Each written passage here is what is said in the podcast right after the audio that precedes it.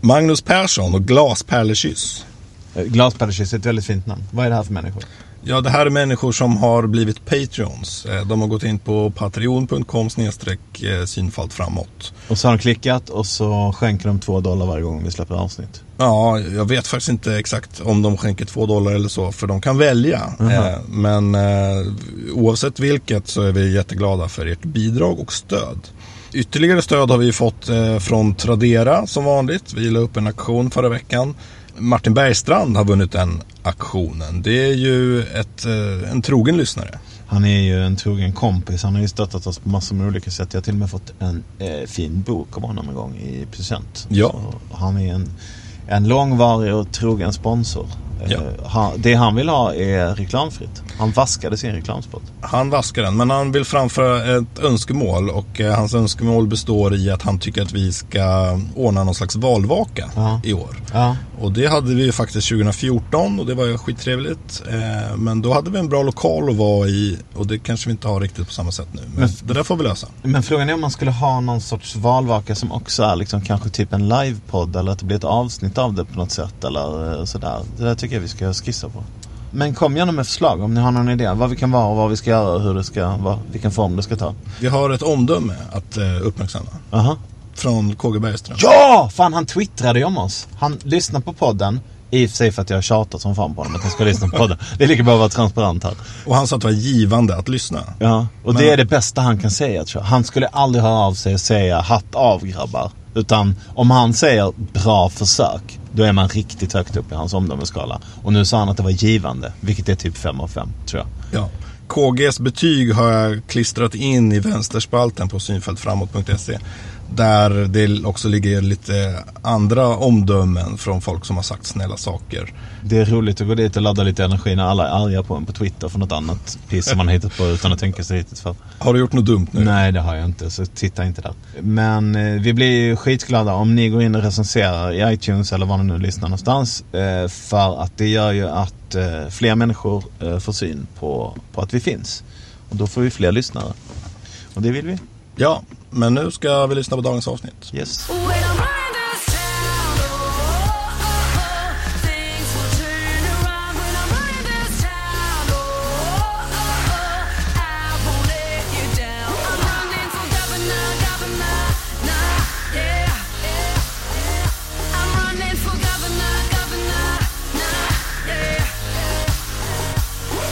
Om min gammelmorfar hade dykt upp här på Beppo ljudproduktion så hade han blivit blown away av inredningen. Så jävla ljust och fräscht hade han sagt. Bor kungen här? Eller? Nej, det gör han inte. Men han hade också sagt, vilket crisp ljud betalar ni mycket för att få spela in här? Eh, nej, det gör vi inte. Vi, spelar inte, eh, vi betalar inte en spänn för att Beppo sponsrar oss för de tycker att vår podd är viktig. Det tror jag gammelmorfar hade tyckt var eh, fint. Jag tror inte han hade känt igen sig på stan heller. Det är inte hästbajs på gatorna. Alla jobbar halvtid enligt hans sätt att se det. Han jobbar ju sex dagar i veckan i ett stenhuggeri utanför Halmstad och så lagade han skor eh, på kvällarna och ändå så käkade de kottar till middag för det mesta. Eh, det är större chans att överleva bröstcancer idag än vad det var att överleva en graviditet när gammelmorfar eh, var ung. Titta! En kille med tänder hade han ropat om vi gick ut här på Söder. En kvinna som har jobb. Eh, men han hade också frågat om det verkligen bara är bruna människor som får köra buss.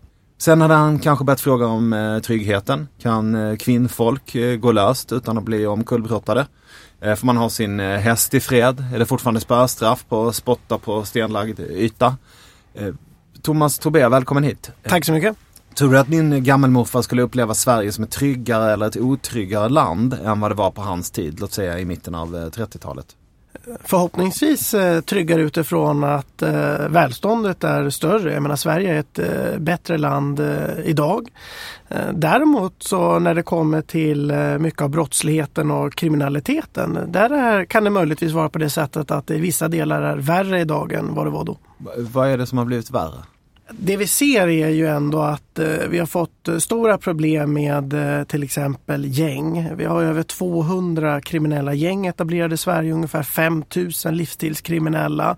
Kopplat till detta har vi ju fått mycket skjutningar, eh, problem med att man tar över utsatta områden. Det är klart att det där är ju en bild som vi kanske tidigare kunde förknippa med eh, USA eller den typen av problem med segregation som fanns där och som vi förr tog del av eh, mest via medierapportering. Men det är ju någonting som vi har i Sverige idag. Vad gör du i riksdagen? Jag är eh, ordförande för eh, justitieutskottet. Vad, och vad betyder det i praktiken? Vad gör man liksom? Det innebär att vi eh, behandlar eh, förslag eh, som regeringen lägger fram eller motioner ifrån eh, riksdagsledamöter och förbereder den lagstiftning som riksdagen ska besluta om. Eh, när man sitter i ett utskott, först och främst sitter alla riksdagsledamöter i något utskott. Möjligtvis kan det vara som så att de politiska vildarna kan bli utskottslösa, det vill säga att inget parti väljer att eh, nominera eh, ledamöter till ett utskott. Men i stort sett så är det så arbetet är indelat. Man, blir, man, man, man får ett område, man hamnar i ett utskott och så. Vissa är ju bara suppl- suppleanter, eller? Ja, det, det är inte ovanligt att eh, är du helt ny i riksdagen så kanske du börjar som suppleant i ett, i ett utskott. Eh, vilket inne, innebär att du bara ibland är ordinarie ledamot på utskott. Men du deltar i ett utskottsarbete. Det är ju det som riksdagsledamöter brukar beskriva som vardagen. Just det. Men eh, då är, då är du i ditt utskott, men betyder det att du inte du behöver hålla någon koll på liksom, Moderaternas hållning i eh, andra frågor? Liksom? Följer man varandras eh, utskottsarbete eller? Alla partier har ju möten på tisdagar. Och då har man genomgång av alla ärenden som man ska rösta om på onsdagen eller torsdagen. Och där får ju då varje ledamot som har ansvar för ett område beskriva det. Uh, och, eh, men i någon mening så finns det en, det finns en grad av att uh, lita på uh, att ens kollegor har gjort en korrekt bedömning, i alla fall man själv inte har tillräcklig eh, sakkompetens som till exempel ålfiske som jag är ganska okunnig om. Så då talar den människan som sitter i jordbruks eller vad det kan heta Mm. utskottet om för dig hur du ska rösta i den frågan och så litar du på det. Det finns ett, ett mått av det, svarar jag. Mm. Vad liksom så här helt inofficiellt, det måste inte vara, men vad är liksom, vad är högst rankat, vad är högst status? Om lägst status är att vara suppleant i trafikutskottet tillsammans med en massa värmlänningar, eh, vad, eh, nu är jag lite fördomsfull, men vad är liksom högst? Det som rankar högst eh, är givetvis att vara ordförande i justitieutskottet. Nej, jag skojar. eh, det, jag skulle nog säga att finansutskottet eh, är ofta det som historiskt sett har rankat högst. Det vill säga det är där pengarna finns. Det vill säga väldigt mycket av makten kring var, hur mycket resurser olika politikområden får. Däremot så kan det ju vara som så att vi, vi håller på att få en en förändring nu. Eh, jag menar ekonomi och jobb har ju alltid varit de sakpolitiska frågor som har eh, legat väldigt högt. Alltid när man kommer till val så är det de frågorna som är avgörande. Möjligtvis är det nu att vi kommer att få det, det första valet eh, där det kommer att bli andra frågor som kommer att ranka högre hos väljarna och det är möjligt att det på sikt också kan påverka vad, vad man upplever att man helst vill vara. Eh, du är ju i opposition, men du är ordförande i utskottet. Är det alltid så att det är en Normalläge är att man inte är ordförande i ett utskott när man är i opposition. Det går till på det sättet att de som vinner regeringsmakten de bestämmer vilka utskott de ska ha. Eh, och sen så finns det ett antal utskott som man då släpper vidare till oppositionen. Och i det här fallet så får jag väl vara glad över att de eh, gjorde bedömningen 2014 att det här med lag och ordning var inte så viktigt så det kan vi väl släppa eh, till Moderaterna. Och det tror jag nog att de ångrar idag på regeringssidan. Hm. Justitieutskottet alltså? Vi ska prata om lag och ordning. Eh, man brukar säga att all kommunikation sker på mottagarens villkor eh, och mottagaren för politiker är ju väljarna som ska Ja, det, så, så om de är rädda för att bli skjutna och inte vill åka till Malmö och eh, tror att det är kriminella gäng som, som sköter liksom tunnelbanestationen i Akalla så måste man ju prata med dem på det sättet och säga att det där ska ni inte behöva vara rädda för, det där ska vi lösa. Men till viss del så är väl det där också mest en bild, eller? För jag känner inte personligen igen mig riktigt i de här no-go-zonerna. Jag åker ju ändå blåa linjen lite då eh, och då liksom. man kan ju känna väldigt respekt för folks rädsla och folks bild av verkligheten. Men är det ändå inte mest av allt en bild? Nej, det håller jag inte med om. Utan eh, min känsla är, och jag menar jag har besökt en majoritet av de utsatta områdena. Eh, och det är klart att det är ju en realitet eh, att det har gått ganska snabbt. Det, här, jag menar, det har skett gradvis över tid. Eh, men det är klart att de senaste åren har det här verkligen nu fått fäste. Eh, och jag menar, de allra flesta som bor i de utsatta områdena det är hedliga människor som vill ha en bra framtid för eh, sina barn precis som för alla andra. Men som just nu upplever en ganska stor hopplöshet. Och det är inte bara en hopplöshet som kan handla om har mina barn sämre förutsättningar än andra att kunna få en bra skolgång, att kunna få ett jobb, att kunna utvecklas. Utan det är ju också att man upplever att samhället har svikit. Eh, sen har vi ju den andra bilden. Då. Betyder det här att alla behöver känna otrygghet? Och nej, vi har en ganska stor klyfta i att vi har områden i Sverige där vi har ganska hög grad av, eh, av trygghet. Men det betyder ju inte att människor inte känner av att det här samhällsklimatet och att det kan sprida sig. Jag, så att jag, jag har lite svårt för de här, eh, det här synsättet att man liksom vill relativisera människors otrygghet. Man tror i princip att det handlar om eh, gamla damer som, som tittar ut genom persiennerna och, och som kanske egentligen inte behöver vara så rädda. Jag tror att vi ska ta det här på allvar för att det är också på riktigt och vi ser det också i siffror. Siffrorna säger att eh, gängkriminalitet ökar och sexualbrott ökar och bedrägerier ökar. Korrekt. Eh, men i övrigt ser det bra ut, eller?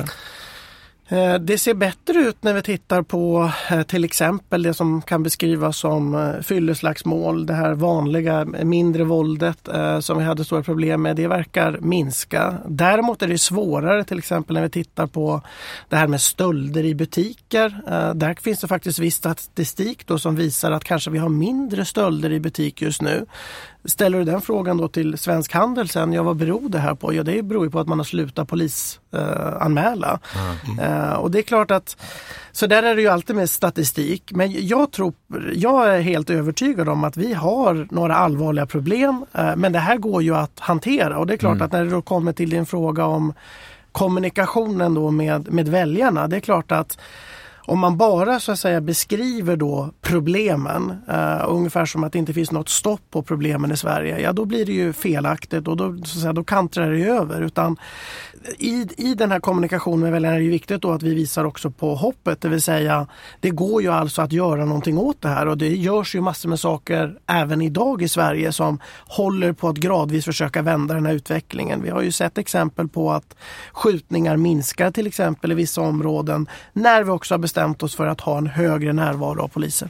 Eh, det var en rolig bild i Dagens Nyheter i förrgår. Eh, det är ju vapenamnesti just nu. Jag förstår väl att det primära inte är att man tror kanske att det kommer in så många gäng, gäng eh, vapen liksom. Att eh, vapenamnestin är väl till för att man ska få bort vapen som kanske inte är i orätta händer nu men som skulle kunna hamna i orätta händer eller eh, sådär. Eh, men det var jävligt roliga vapen alltså. Det var ju sådana museiföremål av olika slag och hembyggda pennpistoler. Det var väldigt eh, roligt. Eh, skit i det. Den, den där tanten som tittar ut eh, genom persiennen och ser en felparkerad bil på gatan och tänker snart så kommer en handgranat in genom fönstret. Jag har sett på tv, politikerna har berättat eh, hur det är. Snart är det som vid Möllevångstorget i Malmö. Eh, jag har ju liksom den bilden, jag vill inte relativisera sönder det här men jag har ju ändå lite bilden av att det skulle kännas bättre i magen om tanten sa Shit vad de har det jobbigt i de här supersegregerade områdena med låg bildningsnivå, låg sysselsättning, stort utanförskap. Alla de där människorna som inte håller på med sprängämnen eh, borde få leva sitt liv i lugn och ro där ute så som jag gör här. Jag skulle vilja rösta på någon som tar itu med det där så att de människorna kan få det bättre. De 97 procenten som inte kastar handgranaterna i det här utsatta området skulle få det bättre. Men, men jag får ju bilden av att det snarare drivs av att snart kommer det hit.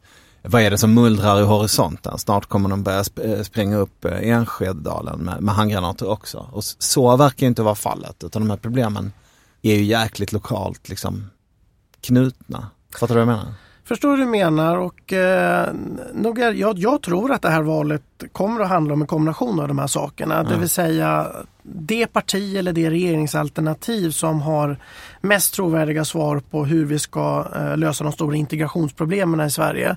Eh, det är nog rimligtvis de som borde få väljarnas stöd. Sen tror jag också att frågan om lag och ordning som ju Både handlar om saker som behöver göras på lång sikt men även på kort sikt. Men det är klart att det finns en del brottslighet som också sprider sig. Om vi tar det här till exempel med de utländska stöldligorna som har fått ett väldigt stort eh, fäste i Sverige och som har en väldigt välutvecklad logistik. Det är klart att deras verksamhet eh, är inte primärt i de utsatta områdena utan det är ju någonting som är väldigt närvarande i många människors liv med, med inbrott och annat som, eh, som blir närvarande.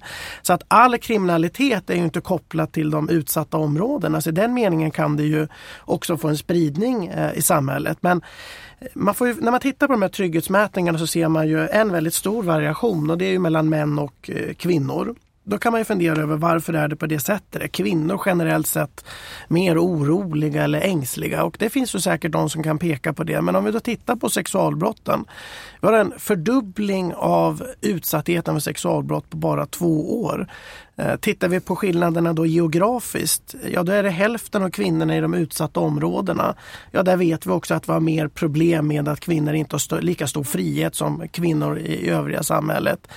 Det är ju alltså, det här är ju, det är ju på riktigt. Alltså, och det, det, det är det här som är min poäng när man liksom ifrågasätter eh, människors känslor inför detta. Eh, det vill säga det här är inget påhitt. Vi har riktiga problem som vi behöver lösa. Och upplever man att polit, alltså politiken tar tag i det, ja då kommer vi också se att de här trygghetsmätningarna blir bättre.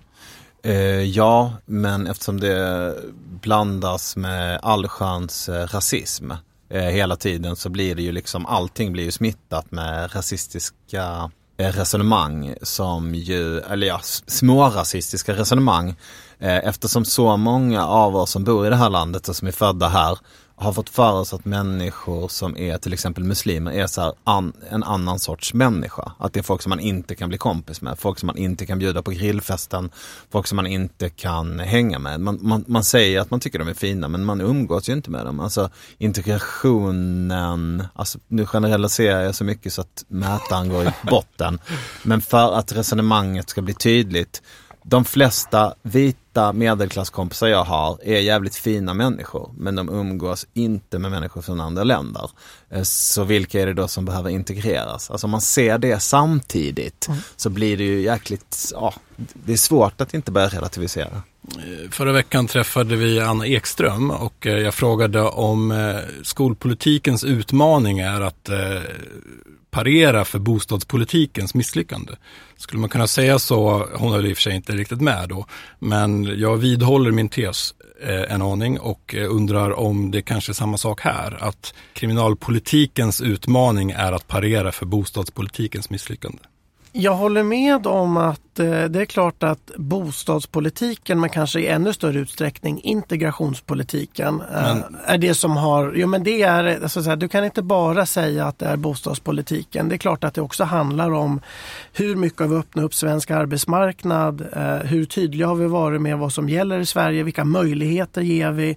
Hur Eh, bra har att varit att bjuda folk på fest som är nyinflyttade i landet? Nej men det där, det där är ju, jag menar, du tar svenskar i gemen. Vi, vi tycker det är halvjobbigt att, att heja på alla våra grannar. Det, det, så vi försöker Ja, ja vi var bättre. idioter innan Ja, också, men det är liksom inte det jag säger. Eh, och eh, det är klart att, ja, men så här, vad landar man i för slutsatser? Jag är en sån som tror väldigt mycket till exempel på liksom blandade klasser. Alltså ju mer vi kan blanda upp klasser och skolor desto bättre tror jag på lång sikt för det minskar de här typen av spärrarna. Ska vi ta bort det fria skolvalet? Ja, men skolvalet är ju det som för det första ger någon form av möjlighet i alla fall eh, till någon att söka sig vidare. Annars så segregerar vi ju ännu större utsträckning än vad vi, I, vad i, vi gör idag. I teorin, men i praktiken så betyder det väl ofta att den som har högutbildade män, äh, föräldrar skickar sin unge till någonstans där de andra högutbildade ungarna går och så har man tagit bort de som skulle ha höjt snittet i, Så i tar klassen. vi bort skolvalet så är alla tvingade att gå i den skola som ligger i bostadsområdet. Det är ju liksom en garanti för att segregationen får fortsätta. Så det är klart att det är viktigt att det finns. Men däremot så tror jag att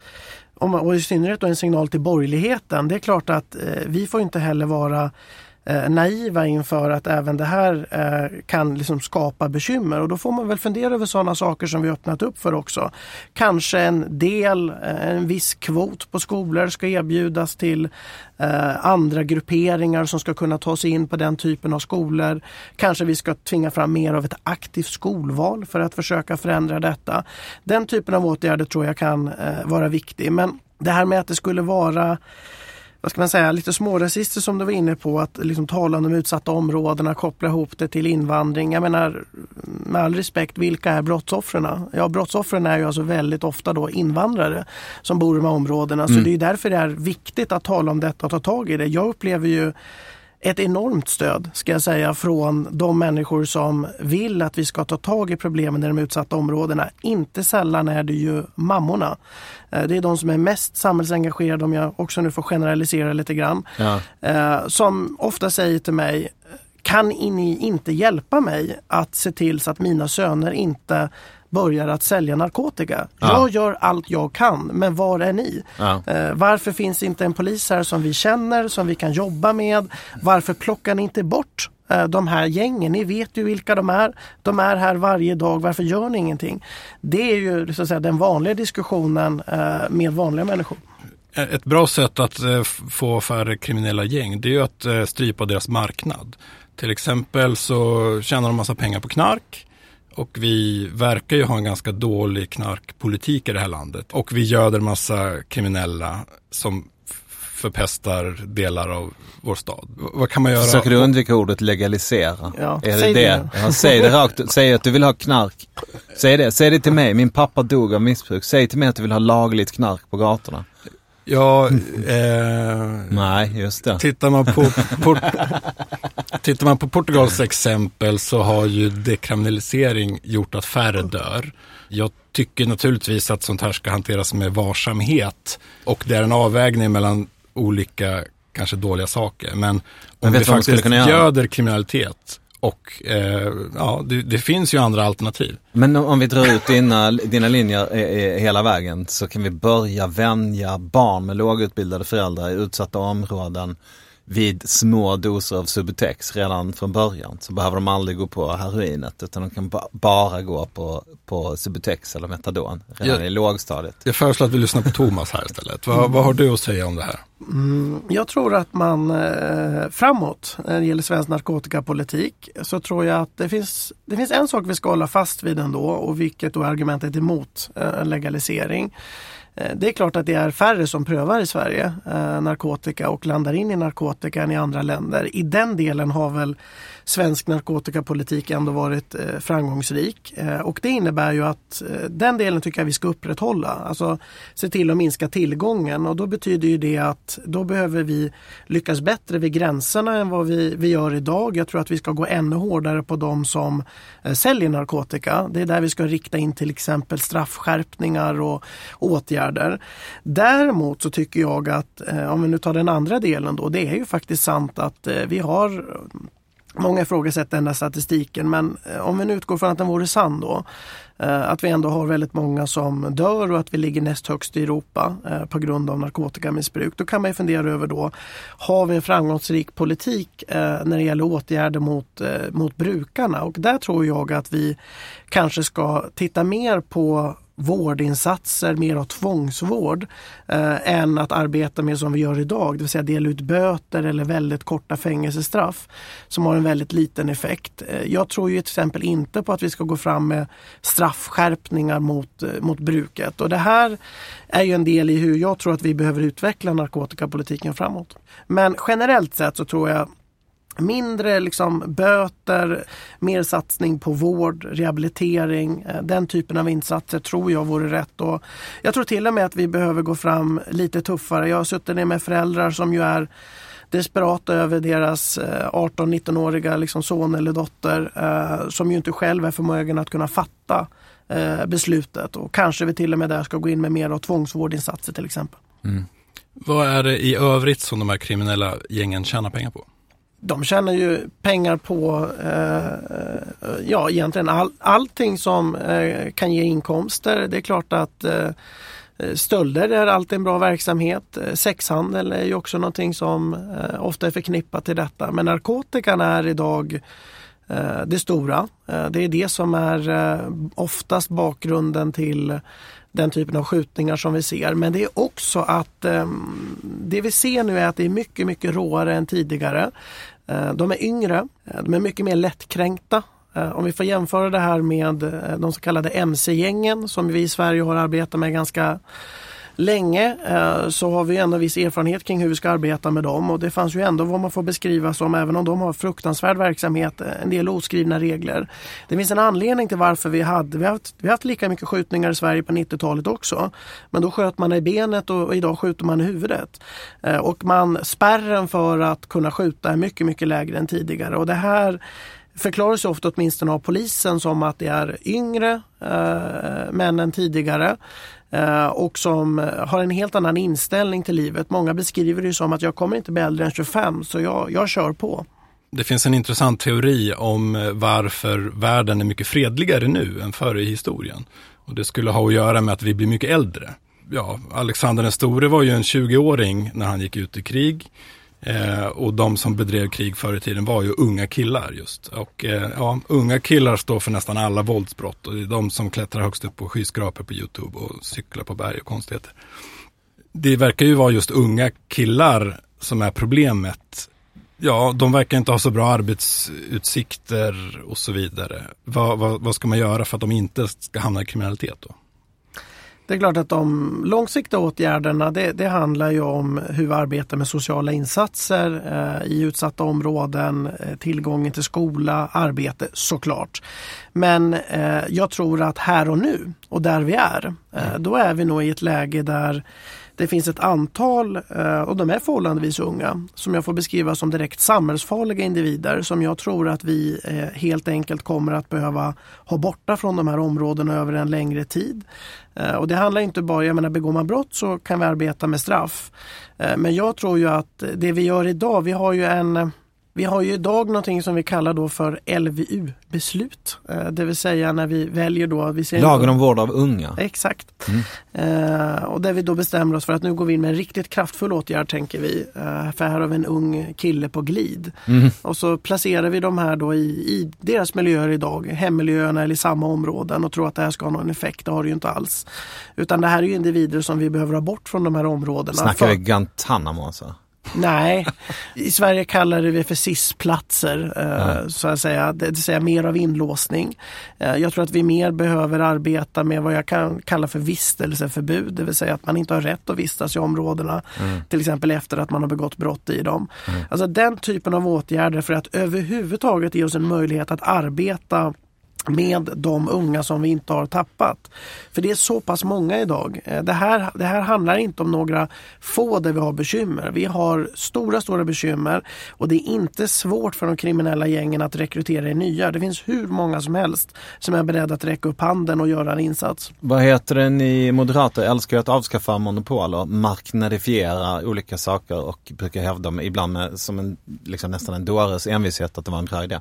Är det ni eller vem är det som har avskaffat våldsmonopolet? Eh, För det är ju det man kan känna om inte polisen eh, bestämmer i en stadsdel. Då är av, våldsmonopolet avreglerat och eh, ungdomar har tagit över eh, våldsmonopolet. I, men jag tänker på Seved i Malmö till exempel. Det kan ju till och med jag gå med på att det är, att, att det är lite utav en no-go-zon. Vissa tider på dygnet. Ja, vissa tider på dygnet. Men där vill jag ju inte, min, min, min dotter bor ju vid Möllevångstorget. Det är ett, snacket om Möllevångstorget eh, köper jag inte riktigt. Jag är där lite för ofta för att gå, gå med på den rapporteringen. Men just eh, där, Seved, ett hack bort. Vad, liksom, vad, vad, vad, vad händer med våldsmonopolet och hur får man tillbaks det? Jag tror att det handlar om att eh, vi har under för lång tid eh, underskattat vad det betyder att, eh, att, att, så att, säga, att inte kraftfullt eh, gå in tidigt. Eh, det vill säga vi har hela tiden låtit det här liksom gradvis eh, flyttas fram och det är klart att eh, vi behöver ju nu då på grund av det eh, gå fram med väldigt kraftfulla åtgärder. Ja, men, men det, det är det jag redan har sagt. Ni stängde av elen i stängslet och nu är ni förvånade över att kossorna är på rymmen. Men vem stängde av elen och varför? Vad är det som har hänt? Liksom?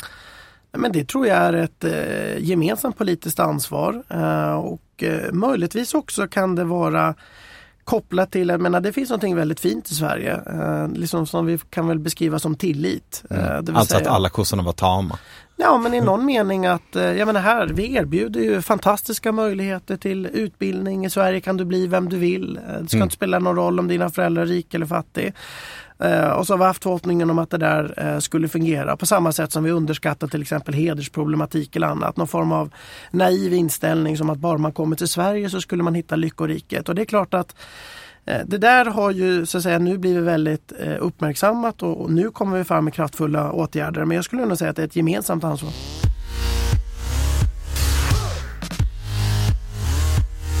Vad är en bra kriminalpolitik? Det är en eh, kriminalpolitik som är eh, långsiktig, eh, som inte tror att det här kommer att gå att eh, vända med några snabba och eh, korta eh, åtgärder. Eh, jag tycker den måste vila på eh, ett brottsofferperspektiv. Det tycker jag ska vara hela utgångspunkten eh, när man diskuterar eh, polisresurser, när man diskuterar straff. Eh, jag tycker det där, har, det där har tappats bort i för stor utsträckning i Sverige. Eh, sen behöver då kriminalpolitiken vila då på flera ben. Nummer ett, eh, stora insatser med att vi har en polis och ett rättssystem som fungerar. Det vill säga du kommer att behöva satsa på hela rättssystemet. Jag tror för det andra eh, att vi behöver Eh, se till att vi har straff som står i proportion eh, till brottets allvar. Eh, brottsoffrets, i någon mening, kränkning av integriteten för personen.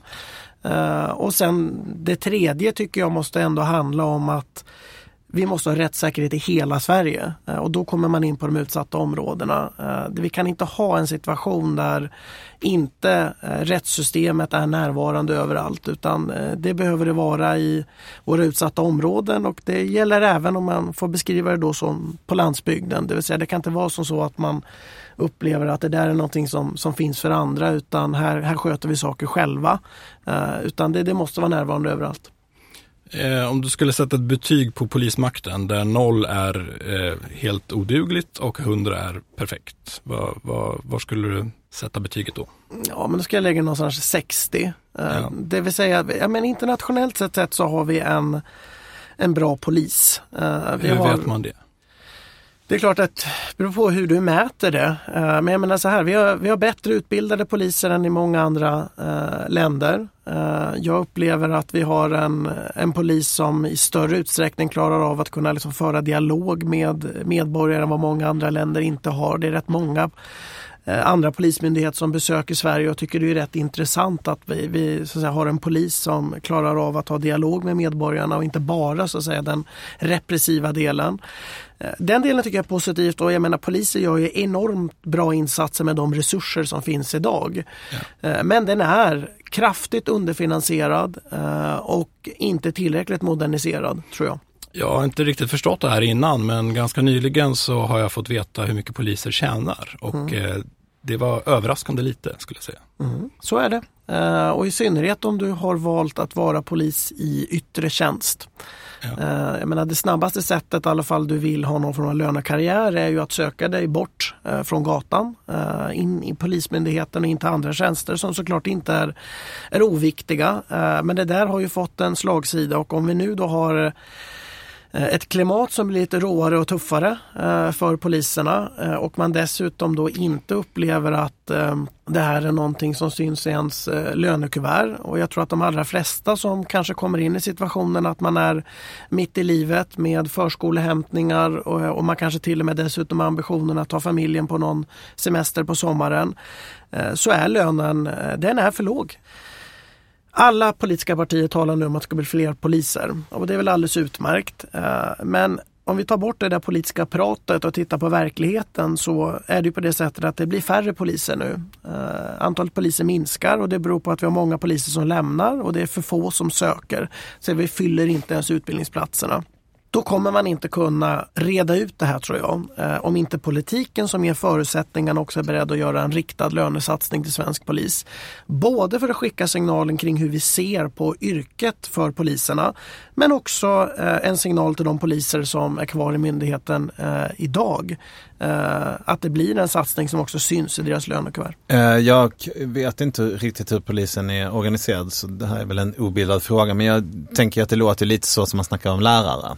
Det finns inte tillräcklig belöning att stanna kvar i, i klassrummet utan de som är ambitiösa och vill tjäna mer pengar och vill göra någon sorts karriär de kommer så småningom eh, bort från barnen liksom. Antingen den fackliga vägen eller så blir de rektorer eller politiker eller sådär. Politiken har ju gjort en riktad lönesatsning till lärarna och det har inneburit att vi har idag lärare i Sverige som till och med kan tjäna mer pengar än en, än en rektor. Vi har också förstelärare och, vi har, och, och sådär. Lite mer större individuellt eh, löneförhandlingsutrymme Ja. tror jag och sådär. Det tror jag, jag tror att det är det också, något sånt Jag tror att sånt, jag menar det här ska i grunden utarbetas tycker jag mellan parterna. Och det är väl lite på gång också. Det har slutits ett polisavtal nu som är ett litet, litet steg på vägen. Men Kan man tänka sig sänkt lön till trafikpoliser? Det skulle jag själv eh, rösta för. jag tror att trafikpolisen är rätt bra. De öppnar ibland också eh, bagageluckan och hittar både knark och vapen. Så att det är bra med trafikpoliser. Aha. Och en och annan eh, rattfyllerist eh, plockar de också. Och Det är, bra. sant, det är sant. Kör du ofta för fort, Kristoffer? Eh, nej, ja, alltså, ja det gör jag men det är verkligen inte med vilja. Min ambition är verkligen inte att göra det men det är så jävla svårt att hålla reda på för det, det, nu är alla hastigheter tillåtna. Så man vet inte, så här, är det 37,5 eller är det 43? Det går alltid. Så när jag åker dit så är det alltid någon kamera som har fotat mig. Jag kör alltid så här 6 km för fort. Det är inte Men- ens med äran i behåll som jag kör för fort. Men Stalin hade ju en eh, taktik som gick ut på att man skulle inte riktigt veta vilka regler som gäller. För då skulle alla Eh, men så liksom känns det med hastighetsbegränsningar för mig Vara i faktiskt. oro. Det är så här 60, 70, 80, 60, 50, 60, 40, 30, 60, 50. Så här. Vad, är det för, vad är det för hastighet? Så här, ja, i, i snitt 47. Eh, Trafikverket är Stalin kan vi konstatera. Nu går vi vidare. Mm. Det här med brottsofferperspektivet, eh, det låter ju rimligt. Men om jag åker på däng på vägen härifrån och eh, personen som spöar mig blir fälld. eh, Däng och spö, när är du född? Ja, på 1900-talet. Aha. Hur troligt är det att jag får någon ersättning? De här personerna har ju sällan särskilt stark betalningsförmåga. Och då kommer vi in på frågan då om det som kallas för kränkningsersättning. Och jag, jag tror ju dessutom att vi eh, ska eh, förstärka det. Det vill säga, det ska, vi har inte justerat det här på över 30 år i Sverige. Det är klart att man ska ha eh, större ekonomisk ersättning. Men idag är det på det sättet att över hälften av fallen ändå så får man ut pengarna från förövarna. Eh, och det är bra, eh, för oftast finns det någon form av tillgång eh, som man kan gå på. Men är det som så att man inte har det, då ska man få ut de här resurserna från det som kallas för Brottsoffermyndigheten. Och det är så vi ska se till att alla brottsoffer ska få ut sina ersättningar. Och det behöver såklart finansieras och vi kan absolut titta på regelverk men huvudpoängen är ju att vi behöver höja nivåerna jämfört med idag. Statsbudgeten är ju ansträngd. Eh, att jag får massa stålar för att jag har åkt på spö av en människa på glid. Vad, vad gynnar det samhället totalt sett? Det är att eh, ställa sig i brottsoffrets situation. Det är klart att eh, om du till exempel har eh, Eh, blivit utsatt eh, för någonting så fruktansvärt som en, en våldtäkt eh, så är det såklart att det är, vad är viktigt för brottsoffret då? Ja, ett, bli tagen på allvar, en polis som genomför bra förhör, kvalitet i utredningen. Nummer två, att man hittar förövaren. Nummer tre, att det blir ett ordentligt straff. Och sen tycker jag då också att det är rimligt att man får ett ordentligt skadestånd som ska drivas in av den som har begått brottet. Jag tycker att det är rätt utifrån brottsofferperspektivet. Eh, statens kostnad i det här är ju marginell. Alltså det här är inte en stor del i, statsbudgeten utan eh, jag, jag, jag är förvånad över att eh, inte fler partier talar eh, om att vi borde öka eh, skadestånden till, till brottsoffer. Men visst är det så att eh, skattebrott till exempel döms ju hårdare än våldsbrott. För att eh, brott mot staten verkar tydligen vara mer allvarligt än brott mot annan människa. Det är klart att eh, även ekonomisk brottslighet tycker jag ska man inte ta lätt på. I synnerhet de som försöker att, smita ifrån att betala in skatt. Men Det- Skattemyndigheten blir inte kränkt om någon skarvar med inbetalningarna. Så är det. Så är det. Eh, och det går säkert att, att leva med för, för de som ju också arbetar där. Men det här är ju lite grann av vår poäng. Om man tittar på Moderaternas kriminalpolitik och ska hitta någon form av blå tråd, om jag får uttrycka det så. Eh, så är det ju att vi har tittat väldigt mycket på eh, brottsofferperspektivet och då mest utifrån att du blir utsatt för ett brott som kanske innebär att du får en fysisk skada eller på annat sätt får din, liksom, din integritet kränkt. Eh, vad är det för skada som du har eh, fått på grund av att en, en annan individ har betett sig så här mot dig? Eh, och det är där vi landar ner i slutsatserna. Ja, men då ska vi skärpa straffen för det här Eh, och inte det här. Hur resonerar man där? Vi har väl pratat i alla fall under min eh, skolgång, Kom ihåg att man pratade väldigt mycket om betonade allmänpreventionen. Alltså om man höjer ett straff så ska det i sådana fall leda till att det avskräcker och gör, gör det inte det så har man liksom höjt straffet i onödan. Nu pratar du om att höja straff för att folk ska få upprättelse. På en skala mellan allmän prevention och eh, ren och skär hämnd så känns det som att ni rör er i resonemanget lite mer mot liksom hämndhållet. Eh, fattar du vad jag menar?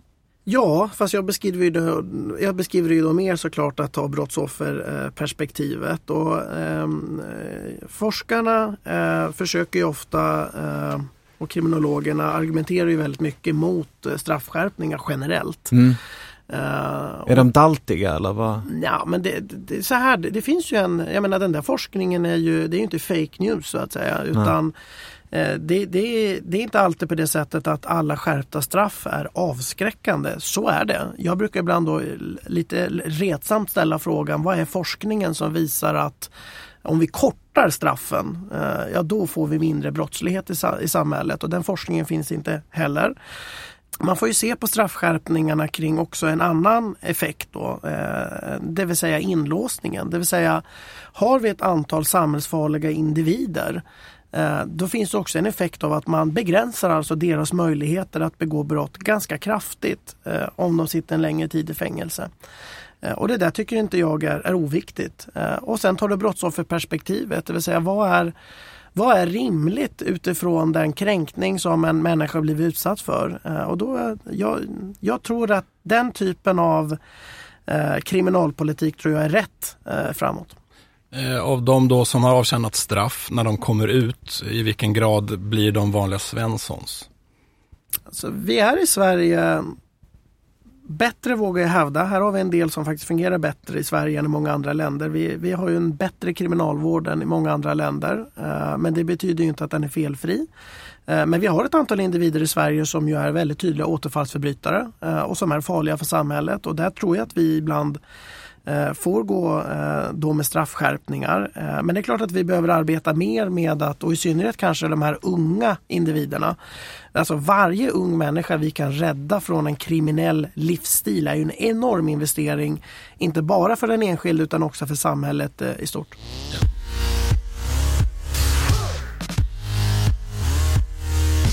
Vi ska göra ett kunskapstest med dig. Eh, Jag ger dig några påståenden och så får du berätta om du tror att det är sant eller falskt. Knappt 10 000 sitter i svenska fängelser just nu. Sant, ungefär.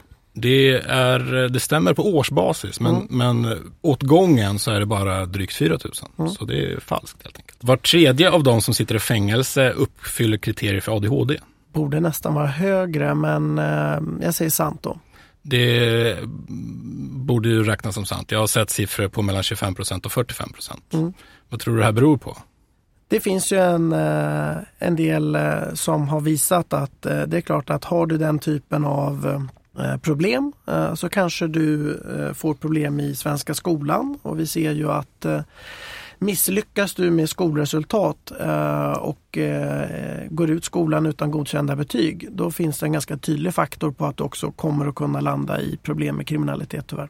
Eller småföretagande, något av de två. Du är en av dem. dampunge och Du du blev småföretagare. Eller Tobias. kock? Eller kock också ja. Men det är, väl näst, det är väl typ det mest kriminella du kan vara utan att vara kriminell, är det inte det? De är ju aldrig helt lagliga.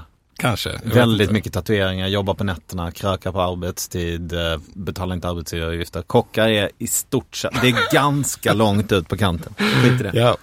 Eh, var fjärde i svenska fängelser avtjänar straff för narkotikarelaterade brott. Borde, ja, jag säger nog falskt på den.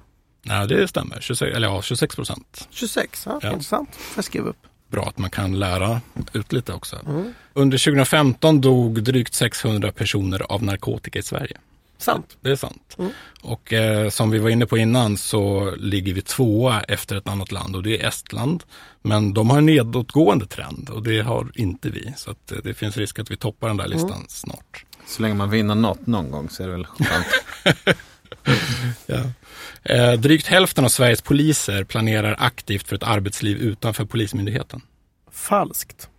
Ja, det beror ju på vem man frågar kanske. Eh, Mm. Den här uppgiften kommer från Polisförbundet och de eh, kan ju tänka sig vara lite partiska. Mm. Vad, vad tänk, hur tänker du när du säger falskt? Därför att de allra flesta poliser som åtminstone jag möter, det är väldigt anekdotiskt då, eh, men de trivs ju ändå i sitt arbete och väldigt många av de poliser som har lämnat vill komma tillbaka. Sen är det såklart att alla, jag menar, får du en sån där fråga ställd till dig så är det såklart att, jag menar, Tänker du någon gång att du ska göra någonting annat i ditt liv? det är Precis, inte, det är man inte kan så ställa konstigt väldigt att svara liksom, ja på den frågan. Det, det skulle jag också svara. Efter att flera amerikanska delstater har legaliserat cannabis så beräknas mexikanska drogkarteller ha förlorat hälften av sina intäkter. Det är nog sant.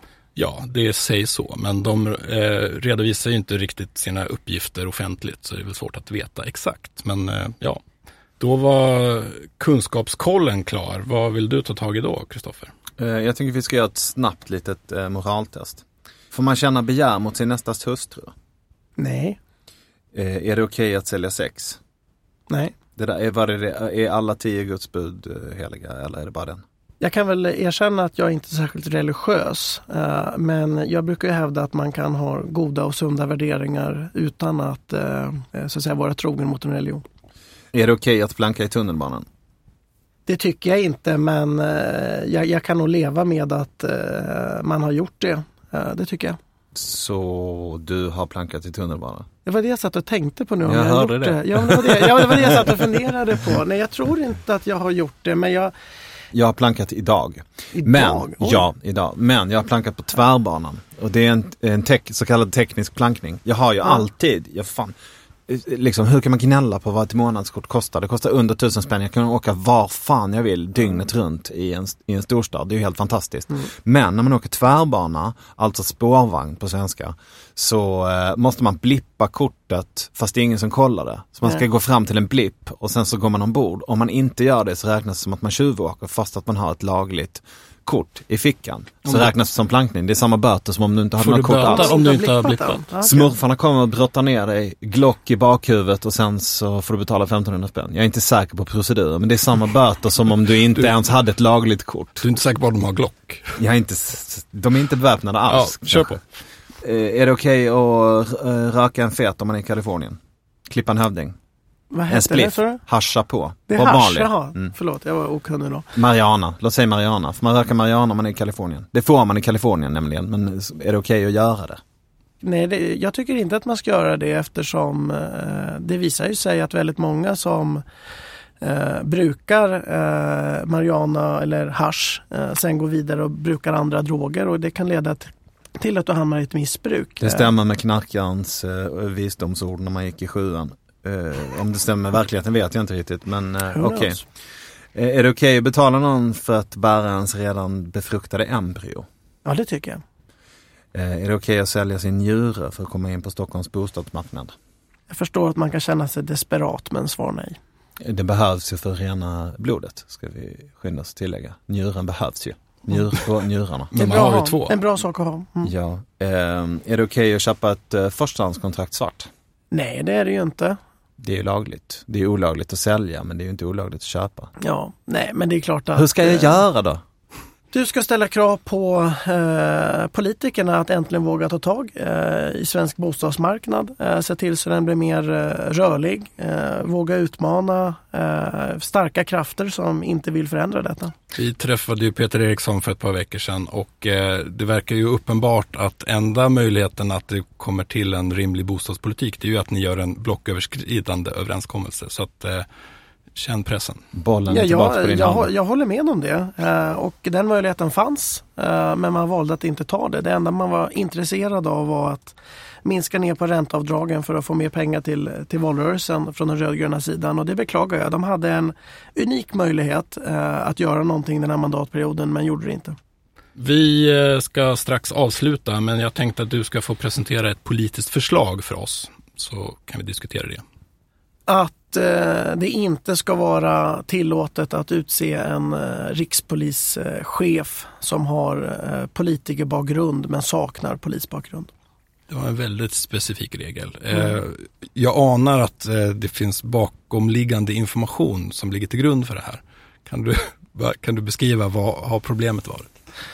Jag tror att eh, man gör ett stort misstag i alla fall. Eh, man utser en rikspolischef eh, som absolut kan vara en eh, god myndighetschef eller har väldigt många andra fördelar. Men att tro att en, eh, en tjänsteman som i grunden eh, så att säga, ska vara lojal med regeringen och statsmakten och, men som saknar poliserfarenhet ska klara av det uppdraget. Jag tror att det är ett enormt misstag att eh, regeringen så pass länge, förlåt nu blev det bakåt, eh, att, eh, att man så pass länge hade en rikspolischef som eh, inte hade polisbakgrund. Ja, eh, bra förslag. Kristoffer, har du något förslag? Eh, Ja, eh, och jag är ju inte politiker så det behöver ju inte tåla syn. Men idén eh, vill jag ska gå fram. Jag funderar på om man skulle kunna tänka sig att tillföra liksom i rättighetskatalogen vad man har rätt till. Inte mänskliga rättigheter men så här, sam, att få sova inomhus. Eh, att det skulle vara en ganska rimlig. Eh, nu är det ju så här Stadsmissionen och sådana frivilligorganisationer, gärna kristna frivilligorganisationer som gör ett fantastiskt arbete med att se till att folk ska få sova eh, inomhus. Men människor som bor på gatan eh, är ju, berättar ju att det är ett helsike det där. Och när man redan har ett tufft liv eh, så kanske ändå att det skulle få vara en rättighet att eh, alltid få sova inomhus utan motprestationskrav. Utan att eh, du måste bli ren först eller du måste be en bön först eller eh, sådär. Utan att det faktiskt är någonting som man Får man vara full när man kommer dit? Ja, alltså att det inte har med det att göra eh, lite. Eh, eh, så. Det, det är min idé. Vad tror ni om det? Eh, sympatiskt, men jag vet inte om den är, är rätt. Jag, jag är själv månadsgivare till Stadsmissionen och jag tycker det är det absolut bästa sättet att försöka motverka detta. Men de beskriver ju själva som att det är rätt viktigt att inte ha en person som är för full eller för påverkad. För det stör som tryggheten för mycket för de andra.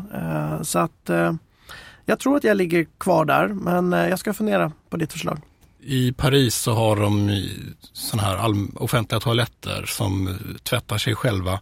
Eh, skulle man kunna tänka sig att man har ett litet kryp in där man helt enkelt kan slagga och som tvättar av sig själv på morgonen. Det finns ju folk som sover på de här offentliga toaletterna till exempel. Eh, det vore bättre att de hade en, en sovplats. Mm. Ja. Något sånt. Ja, men det, det, man är ju även in, jag menar nu i den här frågan så kommer vi även in i liksom, i den här liksom, otroligt jobbiga frågan att vi har väldigt många utsatta medborgare som är här och, och tigger i Sverige till exempel och som ju lever under eh, eh under vidriga eh, omständigheter och då blir det, när vi försöker möta det bara från så att säga, den sociala sidan då, ja då blir det ju mer så här, ja men då får, vi, då får vi kanske ta över en camping och där ska man bo. Och sen kommer man till nästa fråga, ja men så här, borde vi inte erbjuda ännu bättre möjligheter till toaletter? Ska vi börja erbjuda undervisning till barnen och så vidare? Min erfarenhet åtminstone när man har- för diskussioner med socialarbetare så är det, är det rätt viktigt ändå att vissa villkor lär man också kunna ställa även på människor som är i en, i en väldigt utsatt position. Men eh, det som snabbt kommer upp när man pratar om sådana här saker är ju, vi vill inte ha en tredje klassens medborgare som bor så här och så här eller som bara får det här och det här. Alla har rätt. Men i praktiken så är ju människor som bor på gatan helt, eh, ja, helt, helt eh, utan. Och då kan, kan det inte ibland vara rimligt att tänka sig tanken att vi faktiskt ska ha en tredje klassens Eh, att det kanske kan vara okej att ha en tredjeklassens eh, medborgare för att, eh, vad är det man säger, det bäst, eh, inte låta det bästa bli det good enoughs fiende. Vad fan är det man säger? Det finns ett bra uttryck, ni fattar Ja. vad jag menar. Eh, alltså samma, te- samma teori som att, eh, nej men vi kan inte, vi, eh, när du kommer till Sverige då har du rätt till allting. Då har du rätt till allting som man har rätt till här. Eh, och så därför får du inte komma hit för då blir det för dyrt. Eh, då kanske det hade varit bättre sen, ja men eftersom du är i nöd så har du rätt att komma hit men du, du får bygga något själv i Norrland. Eh, liksom. Eh, och, men det, det är som så här, det där har man, ju- man har ju testat den här metoden i ett antal länder. Liksom. Det är klart att eh, som, titta på liksom, det som kallas för favelor eh, i Rio de Janeiro. Så att säga, varsågod, eh, gör nu detta. Eller i, till viss del kan man väl säga att vi testade det där i Sverige också. Eh, där vi liksom fick kåkstadsliknande eh, läger i Malmö till exempel. Um, och jag är inte helt övertygad om att det där är rätt. Det, det känns mer som att uh, liksom, bygg lite grann på de erfarenheter. Vi har minskat hemlöshet tidigare uh, i Stockholm och i Sverige. Eh, vad är det som har åstadkommit det? Hur kan man arbeta med sociala insatser? Jag, Vad är det som har åstadkommit det då? Jag är inte tillräckligt eh, kunnig exakt eh, Men på de principerna, åtgärderna. vad är, vad är principerna? Ja, det är ju väldigt, vad jag har förstått så handlar det väldigt mycket om eh, uppsökande verksamhet. Eh, att skapa fler platser för eh, övernattning. Eh, det är min erfarenhet. Alltså ett väldigt starkt stöd för de frivilliga organisationerna som ofta ibland är bättre än eh, myndigheterna eh, att möta de här människorna. Det kanske inte heller är samma utsatthet som att om vi skulle liksom starta kommunala eh, boenden överallt eh, där vi registrerar personer som har olika typer av bekymmer så kanske man har andra rädsligheter, en, en annan rädsla för myndigheter. Okej, fattar. Jag, jag ger väl en slant till Stadsmissionen. Ja, jag tror det. Det Ditt eh, politiska förslag? Ja, jag har förstått att eh, ja, på 80-talet så hade man sådana här värstingresor. Så skickade man iväg massa kids. Så tänkte man att de skulle bli snälla. Och det finns amerikanska exempel som jag har hört om att eh, man skickar iväg ungar på läger. Det finns massa månadsgivare som ger pengar till det här och så tänker man att det ska ge en god effekt. Men så har man eh, utvärderat det här i efterhand och så har man sett att de som fick åka iväg på läger är i högre grad kriminella som vuxna än de som inte fick åka iväg. Och eh, då verkar det ju egentligen handla om att problemet är att de samlas ihop. Och det är ju det som är själva poängen med fängelser. Man samlar ihop massa kriminella till en plats. Så det första skulle ju vara att i mycket högre grad använda fotboja. För att eh, de borde förmodligen inte umgås eh, annat än om det inte finns någon annan möjlighet. Eh, ponera att man istället för att sitta inlåst på eh, en anstalt så kan man vara inlåst eh, i en galleria. Eh, Mall of Scandinavia? Man bor på Mall of Scandinavia och eh, agerar som någon slags eh, nattvakt där. Eh, man har fortfarande en eh, fotboja så att man ser att de inte smiter iväg och så.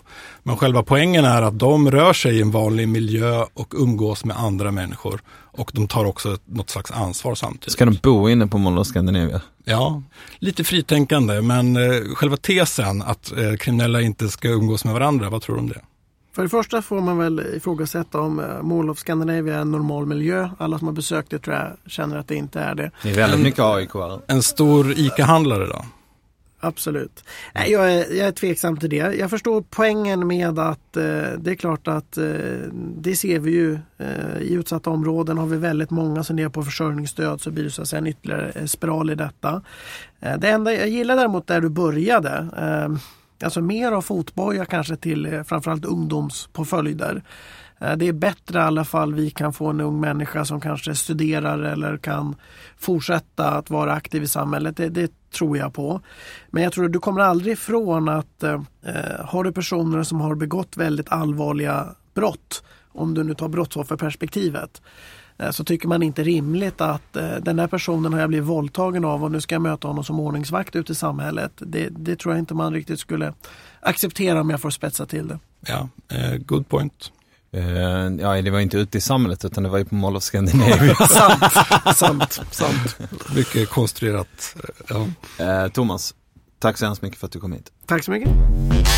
Ja, det där var Thomas Tobé. I avsnittet så säger du att du borde skänka pengar till Stadsmissionen. Har du gjort det? Nej, det har jag inte gjort. Men jag gör det nu. 500 spänn. 500 spänn. Ja, jag matchar 500 spänn.